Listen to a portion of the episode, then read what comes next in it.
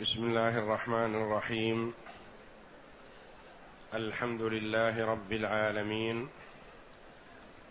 والصلاة والسلام على نبينا محمد وعلى آله وصحبه أجمعين. وبعد. أعوذ بالله من الشيطان الرجيم. ألم تر إلى ربك كيف مد الظل ولو شاء لجعله ساكنا ثم جعلنا الشمس عليه دليلا. ثم قبضناه إلينا قبضا يسيرا. وهو الذي جعل لكم الليل لباسا والنوم سباتا وجعل النهار نشورا. وهو الذي أرسل الرياح بشرا بين يدي رحمته وأنزلنا من السماء ماء طهورا. لنحيي به بلدة ميتا ونسقيه مما خلقنا أنعاما ونسقيه مما خلقنا أنعاما وأناسيا كثيرا ولقد صرفناه بينهم ليذكروا فأبى أكثر الناس إلا كفورا ولو شئنا لبعثنا في كل قرية نذيرا فلا تطع الكافرين وجاهدهم به جهادا كبيرا وهو الذي مرج البحرين. هذا عذب فرات وهذا ملح أجاج وجعل بينهما برزخا وحجرا محجورا وهو الذي خلق من الماء بشرا فجعله نسبا وصهرا وكان ربك قديرا. في هذه الآيات الكريمة بيان لعظم قدرة الله جل وعلا ووحدانيته تعالى وأنه هو المستحق للعبادة وحده لا شريك له. بعدما لام الكفار على إعراضهم عما دعاهم إليه محمد صلى الله عليه وسلم. فقال تعالى ألم تر إلى ربك كيف مد الظل؟ ولو شاء لجعله ساكنا ثم جعلنا الشمس عليه دليلا. ثم قبضناه إلينا قبضا يسيرا.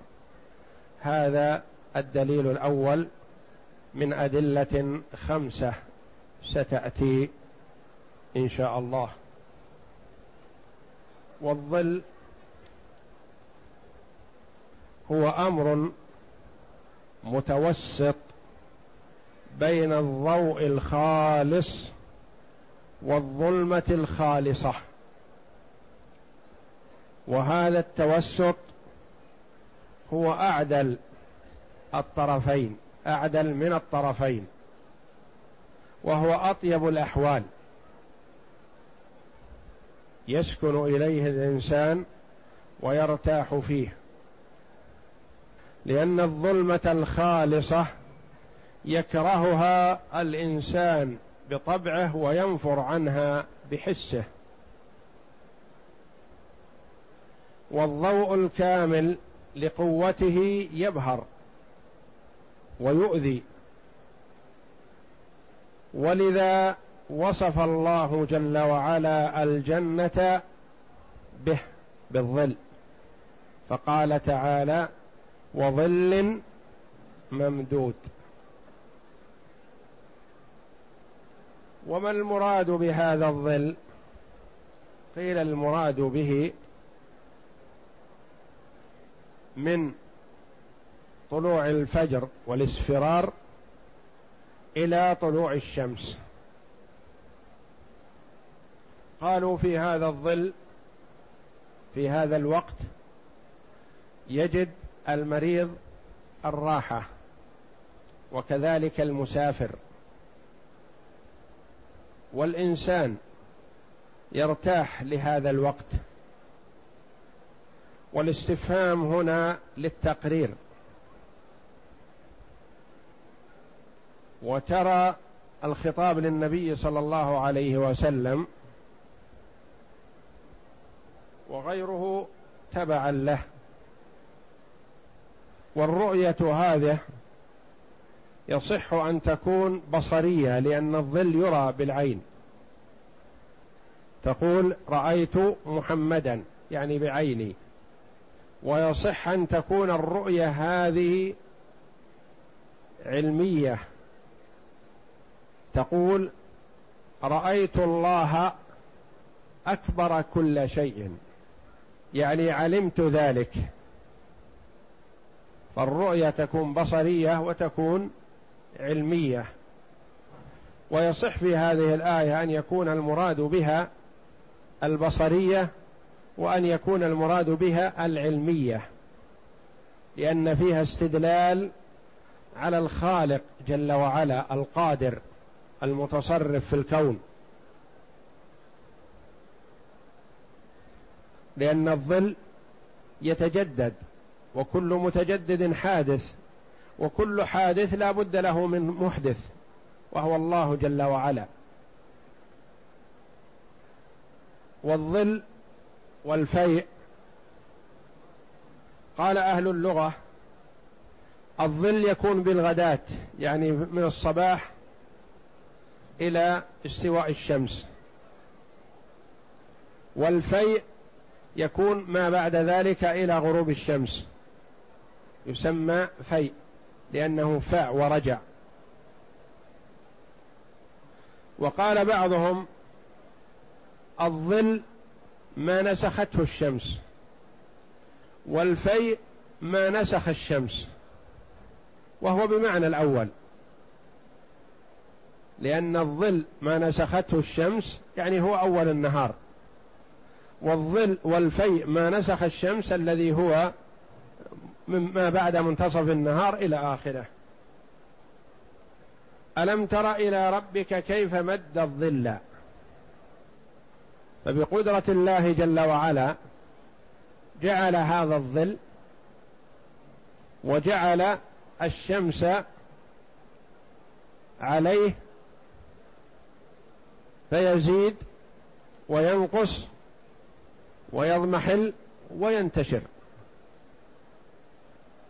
قال بعض أهل اللغة وهذا الكلام على القلب والتقدير ألم تر إلى الظل كيف مده ربك؟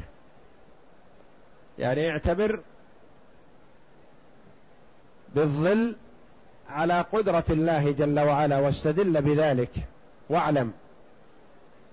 وعن ابن عباس رضي الله عنهما قال كيف مد الظل أي بعد الفجر قبل أن تطلع الشمس. وروي عنه رضي الله عنه أنه قال ألم تر أنك إذا صليت الفجر كان ما بين مطلع الشمس إلى مغربها ظلا ثم بعث الله عليه الشمس دليلا فقبض الظل. فيستدل بذلك على قدرة الله جل وعلا. كيف مد الظل ولو شاء لجعله ساكنا. هذه جملة معترضة بين جملتين. ألم تر إلى ربك كيف مد الظل وج... ثم جعلنا الشمس عليه دليلا. مده وجعل الشمس عليه دليلا. ولو شاء جل وعلا لجعله ساكنا.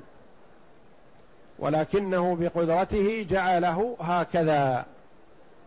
وذلك نعمة من الله جل وعلا على الخلق. والله جل وعلا امتن على الخلق بأن جعل لهم الليل والنهار. وامتن عليهم بالشمس والقمر. وامتن عليهم بالظل فهم يستفيدون من هذا فائدة كبيرة في أبدانهم وفي معاشهم وفي زروعهم وأشجارهم وأنعامهم فالكل يستفيد من ذلك فائدة عظيمة ولو شاء الله لجعله ساكنا. يستمر دائما أو يكون مع وجود الشمس فلا تؤثر فيه أو تحجب الشمس عنه بشيء ما من مخلوقات الله جل وعلا من سحاب أو غيره ولكن الله جل وعلا جعله بهذا الشكل متحرك. ثم جعلنا الشمس عليه دليلا. علامة واضحة وهو يتبعها كما يتبع الدليل. فالمرء إذا كان معه دليل يكون أمامه وهو يتبع الدليل. فكذلك هذا الظل تابع للشمس زيادة ونقصا. ينقص من طلوعها إلى أو إلى منتصف النهار ثم يبدأ بالزيادة من منتصف النهار إلى غروب الشمس. ثم قبضناه إلينا قبضا يسيرا. فمن نعمة الله جل وعلا على العباد أن جعل قبض الظل شيئا فشيئا تدريجيا. ولا تنتشر عليهم الشمس دفعة واحدة ويرتفع الظل ويزول دفعة واحدة بل تدريجيا لما في ذلك من المصالح. وقيل في قوله جل وعلا قبضا يسيرا أي سهلا فذلك سهل على الله جل وعلا يسير عليه. يسير الظل هكذا والشمس تتوجه إليه فيضمحل ثم يبدأ بالزيادة ذلك سهل يسير على الله جل وعلا. ثم امتن جل وعلا بنعمة أخرى على العباد ودليل ثان على قدرة الله جل وعلا. ووحدانيته وأنه هو المستحق للعبادة وحده لا شريك له. فقال تعالى وهو الذي جعل لكم الليل لباسا والنوم سباتا وجعل النهار نشورا. وهو الذي جعل لكم الليل لباس. جعل الليل بظلامه بمنزلة اللباس الذي يستر. فيتوقف الناس عن الحركة. وجعل النوم سباتا. السبات الراحة. جعل النوم راحة للبدن وراحة للروح. ولو استمر الإنسان بالعمل أكثر من يوم لأرهق وتعب وما استطاع. والله جل وعلا امتن على العباد بالليل والنهار. فلو كان الوقت كله ليل ما استطاع الناس العمل والحركة والتصرف وطلب المعاش. ولو كان الوقت كله نهار لتعب الناس وما وجدوا وقتا للراحة. وانهمكوا في العمل وما استراحوا ولكن الله جل وعلا امتن عليهم بهذا وهذا. وهو الذي جعلكم اللي جعل لكم الليل لباسا والنوم سباتا. ترتاحون فيه. فيرتاح فيه البدن وترتاح فيه الروح كذلك. وينقطع الإنسان عن العمل في النوم وفي الليل ليستريح وإن لم يحب ذلك ولكن لمصلحته. قال أهل اللغة وأصل السبات التمدد. يقال سبتت المرأة شعرها بمعنى نقضته وأرسلته وسرحته. ورجل مسبوت الخلقة أي ممدود.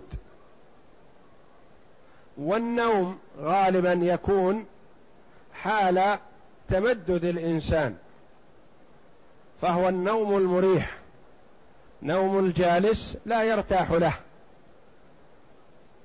ويطلق السبت والسبات على القطع. وإطلاقه على النوم بأنه يقطع الحركة. إذا نام الإنسان انقطعت حركته وهو يبدأ النوم في الرأس ثم يمتد حتى يصل إلى القلب. ويقال السبات النوم الثقيل. والإنسان لا يرتاح إلا إذا نام نوما كاملا يعني ثقيلا يرتاح بذلك. فذلك نعمة من الله جل وعلا. والنوم المستغرق يسمى وفاة كما قال الله جل وعلا وهو الذي يتوفاكم بالليل ويعلم ما جرحتم بالنهار. وجعل النهار نشورا أي ينتشر فيه الخلق لأعمالهم ولطلب معاشهم.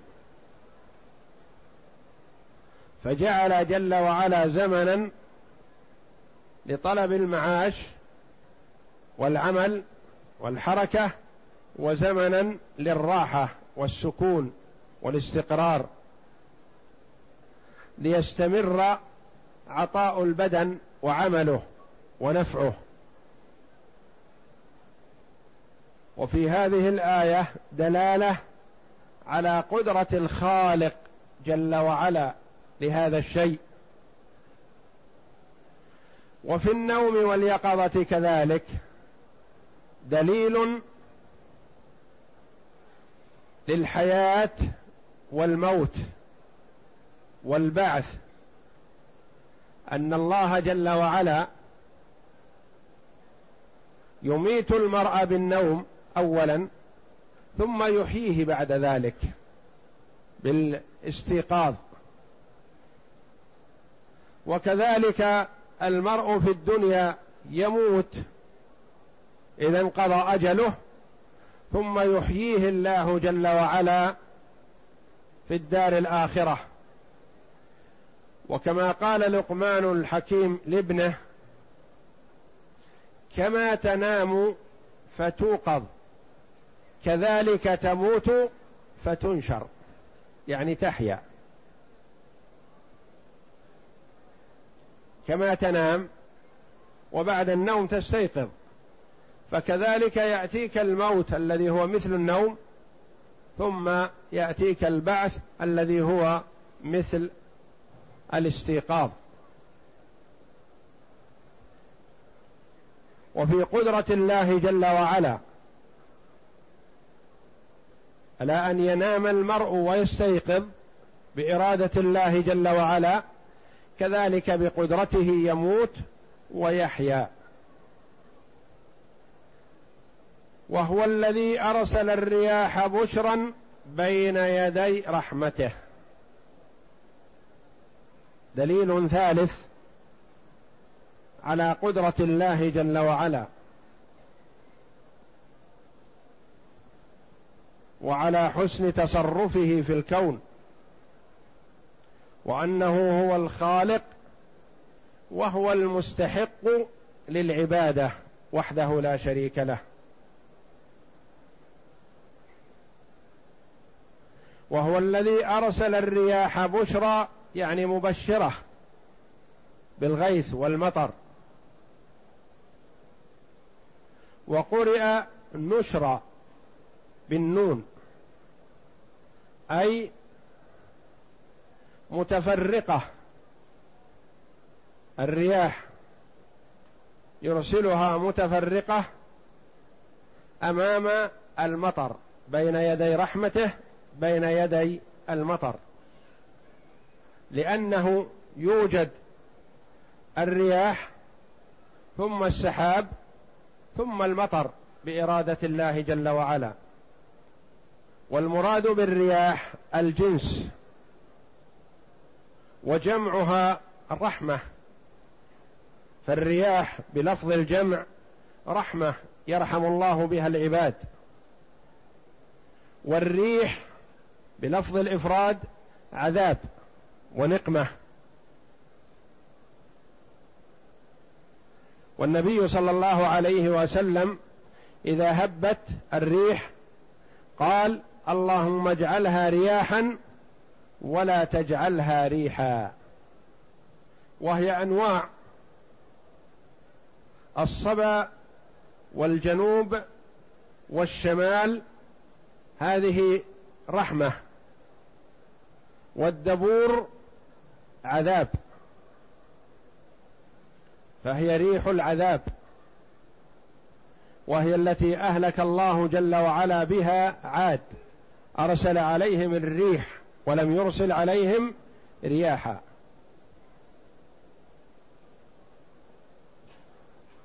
فالشمال تأتي من جهة الشمال كما هو معروف.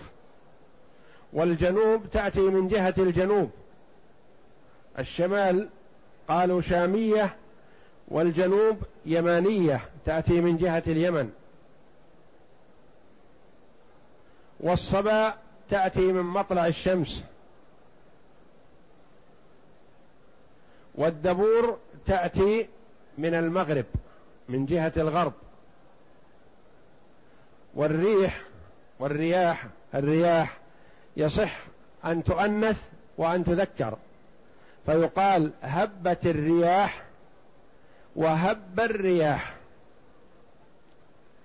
وهو الذي أرسل الرياح بشرا بين يدي رحمته أمام المطر مبشرة به ومشعرة بقرب نزول المطر وأنزلنا من السماء ماء طهورا وأنزلنا من السماء ماء طهورا. فالطهور هو الطاهر في نفسه المطهر لغيره. وقسم الفقهاء رحمهم الله الماء إلى ثلاثة أنواع طهور وطاهر ونجس. فالطهور هو الطاهر في نفسه المطهر لغيره وهو الذي يتوضأ به وتغسل به النجاسة. وطاهر وهو الطاهر في نفسه غير المطهر لغيره. والثالث النجس في نفسه وينجس ما أصابه. والماء الطهور هو أنفع المياه. وأحسنها للاستعمال. فالله جل وعلا امتن على العباد بذلك. وأنزلنا من السماء ماء طهورا. يقال طهور وطهور. فالطهور الماء والطهور المصدر الذي هو الفعل. تقول تريد أريد أن أعمل طهورا يعني مصدر. وهذا الماء طهور يعني يتطهر به. ولما سئل النبي صلى الله عليه وسلم عن ماء البحر لما قال له الصحابي رضي الله عنه يا رسول الله إنا نركب البحر ونحمل معنا القليل من الماء. فإن توضأنا به عطشنا. فهل نتوضأ بماء البحر؟ فقال صلى الله عليه وسلم هو الطهور ماؤه الحل ميتته. فماء البحر طهور يتطهر به ويتوضأ منه ويغتسل. وميتته حلال التي هي السمك. تجد السمكة في البحر ميتة فتحل. فهي حلال. فأحسن المياه هو الطهور كما امتن الله جل وعلا به على أهل الجنة فقال وسقاهم ربهم شرابا طهورا. وأنزلنا من السماء ماء طهورا لنحيي به بلدة ميتا. أنزله الله جل وعلا لمصالح عظيمة. لا غنى للخلق عنها. من ذلك لنحيي به بلدة ميتا. البلدة مؤنث والمؤنث يخبر عنه بأنه ميته. وقال جل وعلا بلدة ميتا. لأنه لأن المراد بالبلدة هنا فالله جل وعلا ينزل المطر على الأرض وهي ميتة يعني ليس فيها شيء حي لا نبات ولا غيره. فتحيا بإذن الله بالنبات والخضرة. بلدة بلدة ميتا ونسقيه. جعله الله جل وعلا شرابا للأنعام وللإنس ونسقيه بفتح النون وبالضم ونسقيه.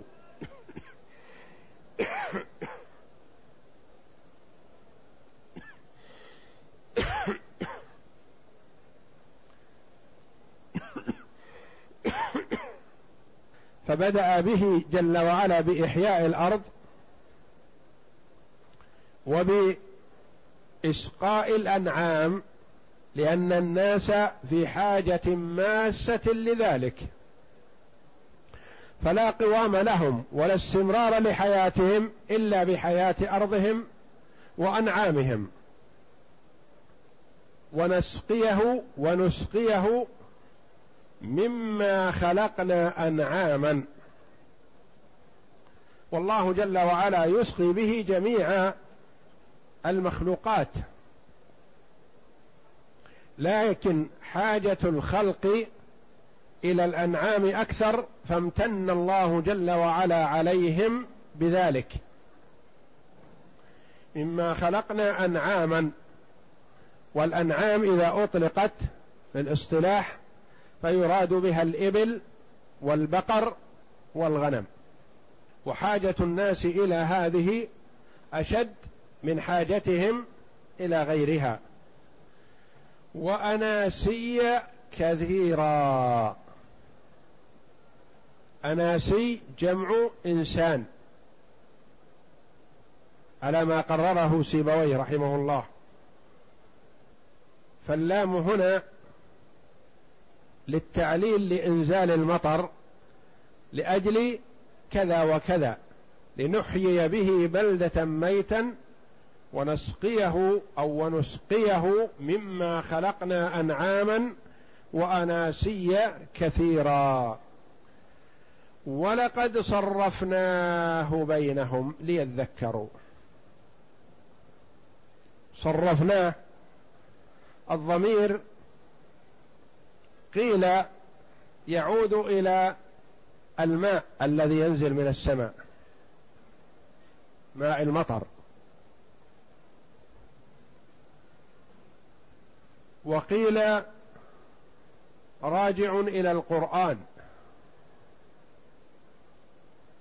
لأن الله جل وعلا قدم ذكره في الآيات السابقة. وقيل راجع إلى ما تقدم من الآيات الدالة على قدرة الله جل وعلا وهي الإضلال وإنشاء السحاب وإنزال المطر ليتفكروا ويعتبروا. وفي صرفناه قراءتان ولقد صرفناه بالتخفيف وصرفناه مثقلا بالتشديد ليذكروا وليذكروا بالتخفيف والتشديد كذلك قراءتان سبعيتان ليذكروا ليتعظوا وليذكروا من الذكر ولقد صرفناه أي القرآن وبيناه ووضحناه أو وصرفناه أي المطر لأنه أقرب مذكور فوزعه الله جل وعلا في البلدان المختلفة وروي أن النازل من المطر في كل عام بمقدار واحد. لكن الله جل وعلا يزيد في جهة وينقص في جهة لحكمة يعلمها الله جل وعلا وينزله في أوقات متغايرة وبكميات متفاوتة وأسماء المطر بحالاته وابل وطش وطل وجود ورذاذ وديمة. كل هذه أسماء لحالات نزول المطر ومقداره قلة وكثرة. ولقد صرفناه أو صرفناه بينهم ليذكروا أو ليذكروا. فأبى أكثر الناس إلا كفورا. ما اتعظوا. وما ذكروا وما ذكروا. وما استفادوا. توجد الآيات العظيمة الدالة على قدرة الله جل وعلا ووحدانيته ولكن أكثر الناس يكفر بها. فأبى أكثر الناس إلا كفورا يعني كفران النعمة. قال عكرمه رحمه الله المراد هو قولهم في الأفواه مطرنا بنوء كذا. يعني ينسبون المطر إلى غير موجده ينسبونه إلى النوء النجم. وكما قال النبي صلى الله عليه وسلم في الحديث الصحيح لما انصرف من صلاة الغداة على إثر مطر نزل من الليل قال عليه الصلاة والسلام أتدرون ما قال ربكم؟ قالوا الله ورسوله أعلم.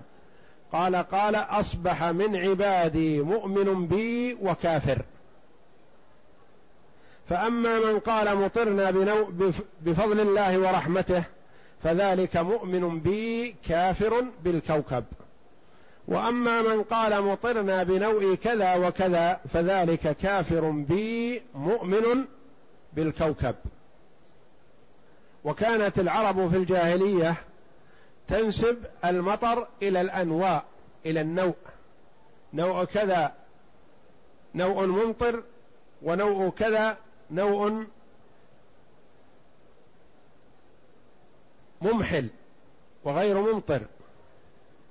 والنوع عندهم سقوط نجم من المنازل في الغرب وطلوع رقيبه من الشرق.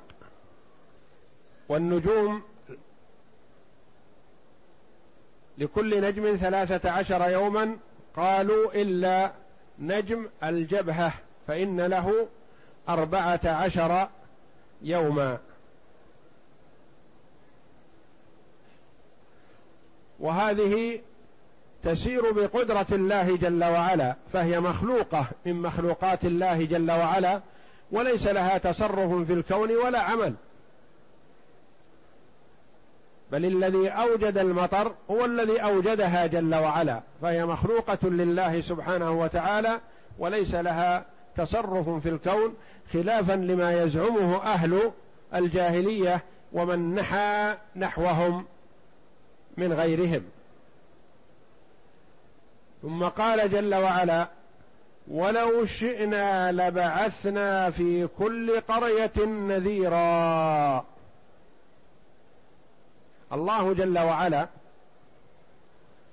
أرسل محمدا صلى الله عليه وسلم إلى الثقلين الجن والإنس بكاملهم. والأمم قبلنا قد يوجد في الزمن الواحد أكثر من نبي. لكل نبي جهة. وقد يوجد في المكان الواحد أكثر من نبي.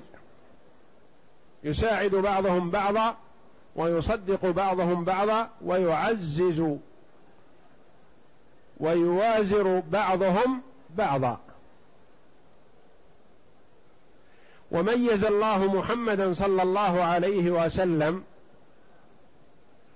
بأن فضله على سائر الأنبياء والرسل صلوات الله وسلامه عليهم أجمعين بأن أرسله إلى الثقلين الجن والإنس. وكما قال صلى الله عليه وسلم في الحديث الصحيح اعطيت خمسا. لم يعطهن أحد قبلي. ومنها وكان النبي يبعث إلى قومه خاصة وبعثت إلى الناس عامة صلوات الله وسلامه عليه. وهنا يقول الله جل وعلا ولو شئنا ولو أردنا لبعثنا في زمنك يا محمد في كل قرية نذيرا. فالله جل وعلا قادر على أن يبعث في كل مكان نذير. في كل بلد يبعث فيها رسول. ولكن ذلك لتفضيل محمد صلى الله عليه وسلم ولتعظم رسالته. وليعظم الحمل عليه صلوات الله وسلامه عليه. فحمله أثقل الأحمال. ورسالته أعظم رسالة. وبهذا صار صلى الله عليه وسلم أفضل الرسل. وله المقام المحمود الذي يحمده فيه الأولون والآخرون صلوات الله وسلامه عليه. ولو شئنا لبعثنا في كل قرية نذيرا. فلا تطع الكافرين. لا تلن معهم. ولا تستجب لهم.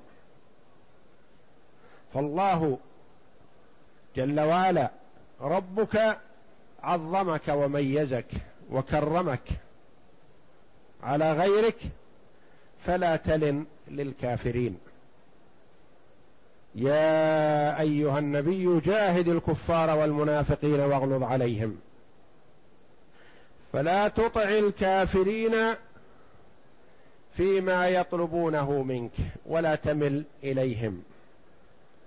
بل اجتهد في تبليغ الرسالة والدعوة إلى ربك. وجاهدهم به أي بالقرآن. وجاهدهم به جهادا كبيرا.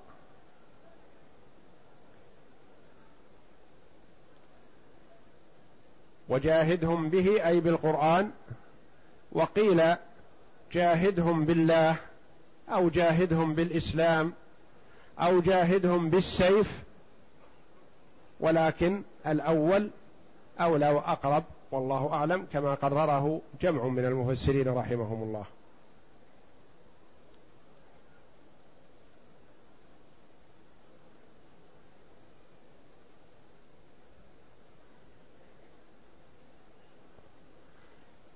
يعني تحمل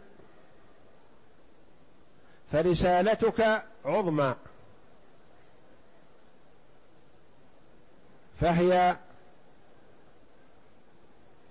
أعظم رسالة أرسل بها رسول من قبل الله جل وعلا. والجهاد الكبير هو الشديد العظيم.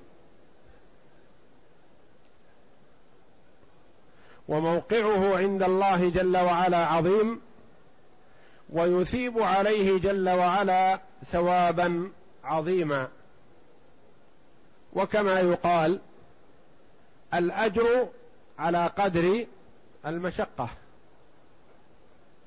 كلما كان العمل فيه مشقة أكثر كان الأجر على قدره. ولهذا لما كانت في الصيام مشقة. قال الله جل وعلا كل عمل ابن آدم له إلا الصيام فإنه لي وأنا أجزي به.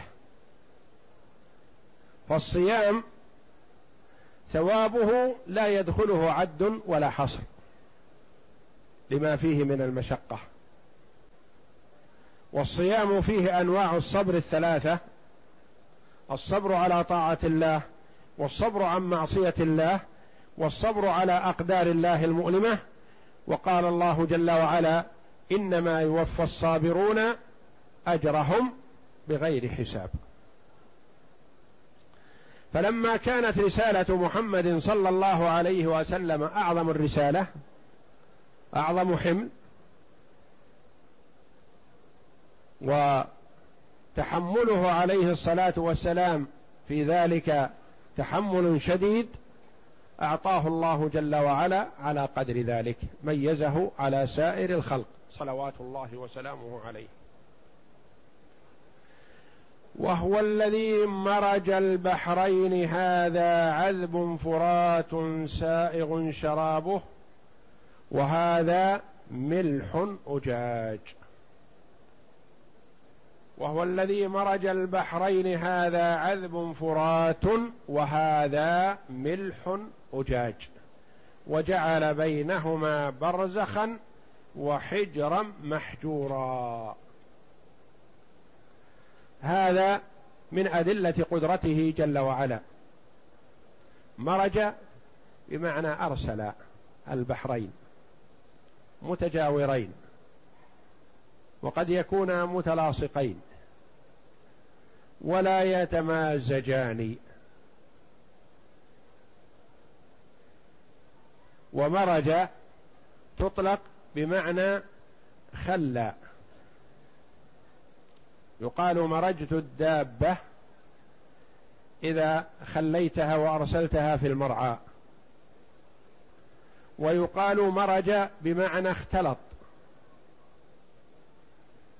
كما يقال مرج الدين إذا اختلط واضطرب الناس.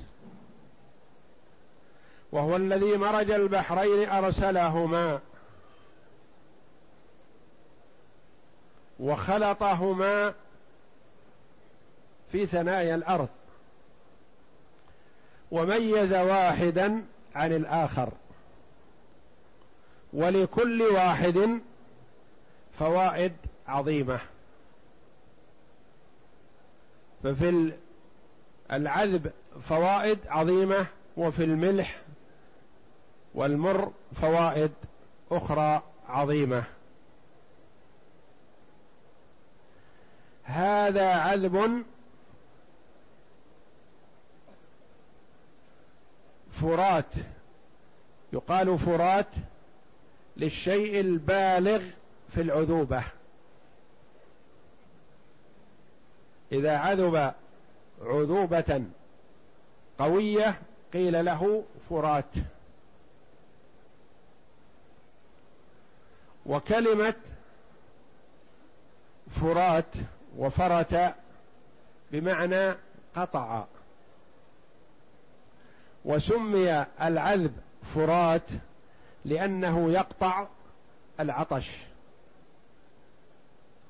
بخلاف غيره من المالح والمر فهو يستفاد منه في نواحي لكن لا يقطع العطش. لو شرب منه المرء أكثر ما روي. وهذا ملح أجاج بليغ الملوحة. الأول بليغ العذوبة والثاني بليغ الملوحة. قال ابن عباس رضي الله عنهما خلع أحدهما على الآخر. فليس يفسد العذب المالح وليس يفسد المالح العذب. وهما متقابلان ولا يؤثر ومتضادان ولا يؤثر أحدهما على الآخر بقدرة الله جل وعلا. وجعل بينهما برزخا. البرزخ الحاجز والحائل بين الشيئين. بقدرته تعالى. وإلا فقد يكون في ثنايا الأرض يحجب جل وعلا بعضهما عن الآخر وهما على منوال واحد. يحفر المرء فيجد الماء المالح ثم يحفر ويجد العذب ثم يحفر ويجد المالح. بعد ذلك طبقات. وجعل بينهما برزخا وإن كان مما على سطح الأرض كالبحار والأنهار جعل بينهما حاجزا يحجزه بعضهما يحجز أحدهما عن الآخر. وحجرا محجورا أي سترا مستور قوي يمنع إفساد أحدهما للآخر. وإفساد المالح للعذب أكثر. والعذب إذا اختلط بالمالح ضاع لا أثر له. وجعل بينهما برزخا وحجرا محجورا. ساترا؟ وقيل المراد بالحجر المحجور كما تقدم لنا قريبا أنها كلمة استعاذة. حينما يرى الظالمون الملائكة والعذاب يقولون حجرا محجورا يعني استعاذة لكن لا تنفع. وهنا كذلك يستعيذ أحدهما من الآخر. وجعل وجعل بينهما برزخا وحجرا محجورا. كل واحد يستعيذ من الآخر. وكما قال الله جل وعلا في سورة الرحمن مرج البحرين يلتقيان بينهما برزخ لا يبغيان. قال ابن عباس رضي الله عنهما حجر أحدهما عن الآخر بأمره وقضائه جل وعلا. وقد يكون في موقع واحد وفي مكان واحد ويحجب الله جل وعلا أحدهما عن الآخر كما وجد عيون عذبه في وسط البحر. ويعرف ذلك البحارة ومواطن الماء العذب فيأتون ويستقون من الماء العذب في وسط البحر. ثم بين جل وعلا آية وعلامة على قدرته جل وعلا فقال وهو الذي خلق من الماء بشرا فجعله نسبا وصهرا. وهو الذي خلق من الماء بشرا. ما المراد بالماء هنا؟ قيل الماء النطفة قطرة المني. يخرج منها يخلق الله جل وعلا منها الولد البشر ذكر أو أنثى. وقيل المراد بهذا الماء الماء الذي عجنت به طينة آدم التي خلق منها آدم لأنه خلق من طين وعجن بالماء. ولعل الأول أقرب والله أعلم. أي خلق من الماء النطفة. من ماء النطفة إنسانا فجعله نسبا وصهرا. النسب الذي ينسب إليه المرء. الآباء والأجداد والأعمام والعمات والأقارب. والصهر قرابة الزوج بالنسبة للزوجة. وقرابة الزوجة بالنسبة للزوج. فالحم قريب الزوج. والختن قريب الزوجة. والجميع يقال لهم أصهار. فخلق الإنسان وجعل النسب والصهر والمحرمات النكاح بالنسب معلومات الأم والبنت والأخت وبنت الأخ وبنت الأخت. مهما نزلوا والأم مهما علت. وبالمصاهرة أم الزوجة وبنت الزوجة وأخت الزوجة والجمع بين الأختين.